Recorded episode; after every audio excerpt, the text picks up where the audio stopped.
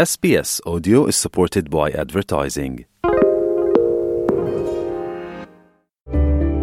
Need a few minutes to reset? Great Minds is a podcast from SBS that guides you through different meditation styles from around the world. Listen wherever you get your podcasts. Anda bersama SBS Bahasa Indonesia. Dapatkan lebih banyak lagi cerita bagus di sbs.com.au garis miring Indonesia. Memulai usaha di Australia, pendengar menawarkan beberapa keuntungan. Australia mendukung inovasi dan kewirausahaan melalui infrastruktur yang kokoh, tenaga kerja yang terampil, dan inisiatif pemerintah yang mendorong pertumbuhan usaha kecil melalui hibah, pendanaan, dan juga insentif pajak. Rangkuman khusus Australia Explained berikut ini disusun oleh Maram Ismail. Perekonomian Australia yang dinamis dan lingkungan bisnis yang mendukung memberikan latar yang luar biasa bagi para wirausahawan. Memulai bisnis kecil di sini bisa sangat bermanfaat, baik jika Anda memiliki ide unik atau hasrat untuk mengubah ide ini menjadi satu usaha yang menguntungkan. Nadine Connell adalah Direktur Smart Business Plans Australia. Ia percaya bahwa Australia adalah salah satu tempat yang paling dapat diakses di dunia untuk melakukan bisnis. There's competitive tax rates. It's a simple GST system at 10%. It's simple ABN setup. There's a lot of government incentives out there through grants. I think there's more than $70 billion offered um, Australia wide. And there's really clear regulations and allowance for you to be innovative. Abdallah Abdallah, analis ekonomi yang berbasis di Sydney, menegaskan bahwa Australia memiliki perekonomian yang stabil. Perekonomian yang stabil ini menjadi landasan bagi investor dan pengusaha. Our economy grows steadily, except for a small period of time during COVID where we saw some recession. However, in the past three decades or so, we've been growing steadily. So this is a good indication, of course. Mr. Abdallah menambahkan bahwa Australia juga menyediakan kerangka hukum yang sangat baik bagi para pemilik bisnis. There's good protection for companies, for investors, for entrepreneurs around, let's say, uh, property rights, intellectual properties, the IPs. There's a rule of law that govern everyone. The legal system, we can say, is transparent. And most importantly, the level of corruption in Australia is low. Sebelum mempelajari perencanaan bisnis pendengar, penting untuk memahami struktur bisnis di Australia. Bisnis ini dapat dioperasikan sebagai pedagang atau pengusaha tunggal, perusahaan, atau kemitraan yang masing-masing mempunyai tanggung jawab dan persyaratan hukum yang berbeda. Mr. Abdallah mengatakan, setiap jenis bisnis memiliki cara operasional yang berbeda, tergantung aspirasi bisnis Anda. If my aspirations is to be like local small business doing some small services regionally, let's say, or um, in my suburbs, I don't have a plan to grow it, then maybe I would consider having a sole trader or a partnership. But if my aspiration is to grow the company as a brand itself, to create a value in this brand, and maybe later on sell it or sell part of it, then a company would be better. And we have seen many companies that have started very small in garages and now their brand is worth multi-billion dollars. Setelah Anda memilih struktur bisnis, Anda harus mendaftarkan bisnis ini dan memastikan kepatuhan terhadap undang-undang dan peraturan setempat. Miss Connell mengatakan, ini adalah proses yang dapat dikelola dan juga banyak sumber informasi tersedia untuk memandu Anda. Sebagian besar informasi yang diperlukan untuk mendaftar sebagai pelaku usaha tunggal dan memperoleh Australian Business Number atau ABN ini tersedia di situs web pemerintah negara bagian Anda. Jika Anda berniat mendirikan perusahaan, Mr. Abdallah menyarankan untuk mengunjungi akuntan guna mengatur Australian Company Number Anda dengan Komisi Sekuritas dan Investasi Australia. So it's like a number that would be unique for this particular business or company. This is from, from registration as legalities. Then we have to take tax into considerations. For companies, we have to register a separate tax file number. Remember, for sole traders, the business is linked to their own tax file number. There's no differentiation. But for companies, companies have to have their own TFN.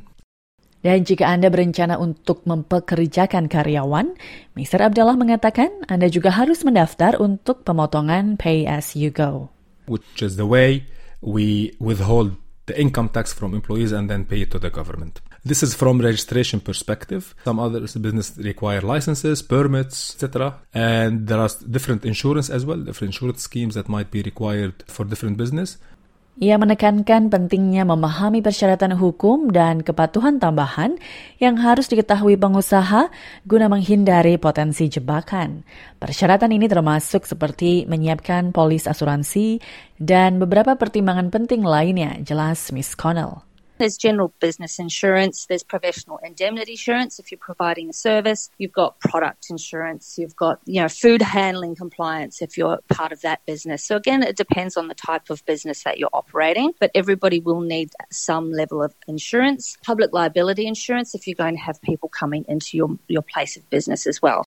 Aspek penting lain yang perlu dipertimbangkan pendengar adalah pengembangan rencana bisnis yang disusun dengan baik, yang sering kali dianggap sebagai peta jalan menuju kesuksesan oleh banyak orang.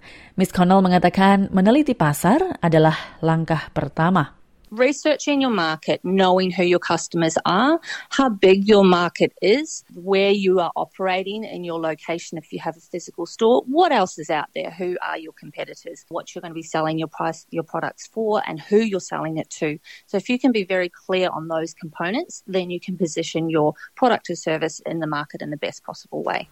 Jika Anda memerlukan dukungan finansial untuk memulai bisnis, Australia menawarkan banyak outlet yang dapat Anda jangkau.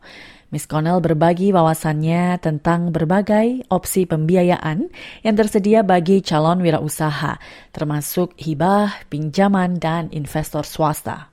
There's a lot of grants out there. There's more than $70 billion that the government, in terms of state and local council, have available. Uh, there's private investors as well. That comes down to whether you've got somebody that you know personally that is um, looking to invest in your business, or you can offer equity as well. Miss Connell juga menyoroti bahwa situs web pemerintah Australia, business.gov.au, menampilkan banyak hibah yang terdaftar di tab pencari hibah dan program atau grants and program. Hibah ini diperuntukkan bagi berbagai industri, menawarkan dukungan dan peluang di berbagai sektor. People can actually go and search through those, but then they also have state governments. All the state government websites have their own grants listed online as well, and then local council in your local LGA, they often have grants as well. Anda dapat menghubungi departemen terkait di negara bagian Anda untuk informasi lebih lanjut. Misalnya, Services NSW dapat memandu calon wirausahawan selama perjalanannya memulai bisnis. Cassandra Gibbons, Direktur Eksekutif Service New South Wales Business Bureau, menjelaskan berikut ini. Our business concierge service provides help for businesses finding information on financial assistance that is available for startup businesses across different areas of government and connects them with grants and rebates that they're available to them. Ia menambahkan bahwa setiap petugas akan berbicara dengan pelanggan mereka dan mencari tahu apa yang mungkin tersedia bagi mereka, kasus per kasus, dan berdasarkan situasinya. Miss Connell menyarankan untuk mengambil langkah pertama menuju impian kewirausahaan Anda. Mulailah meneliti, membangun jaringan, dan menyempurnakan ide bisnis. Dan ingat bahwa setiap bisnis yang sukses dimulai dengan satu langkah awal. The biggest misconception would be that you have to have a lot of money to do it. You don't have to reinvent everything all at once. You don't have to go from zero to a hundred.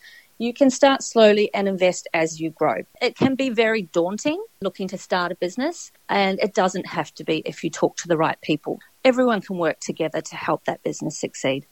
Demikian tadi pendengar rangkuman khusus Australia Explained terkait dengan bagaimana memulai usaha kecil Anda di Australia yang disusun oleh Maram Ismail dan dibawakan oleh Tia Arda.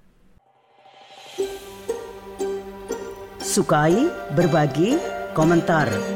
Ikuti SBS program Bahasa Indonesia di Facebook.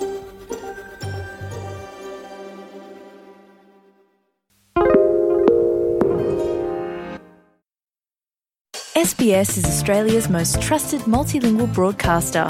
Our listeners are loyal, highly engaged, and have supported countless local businesses. We offer advertising packages for businesses of all sizes. Our experienced sales team will guide you through the process of owning a great campaign.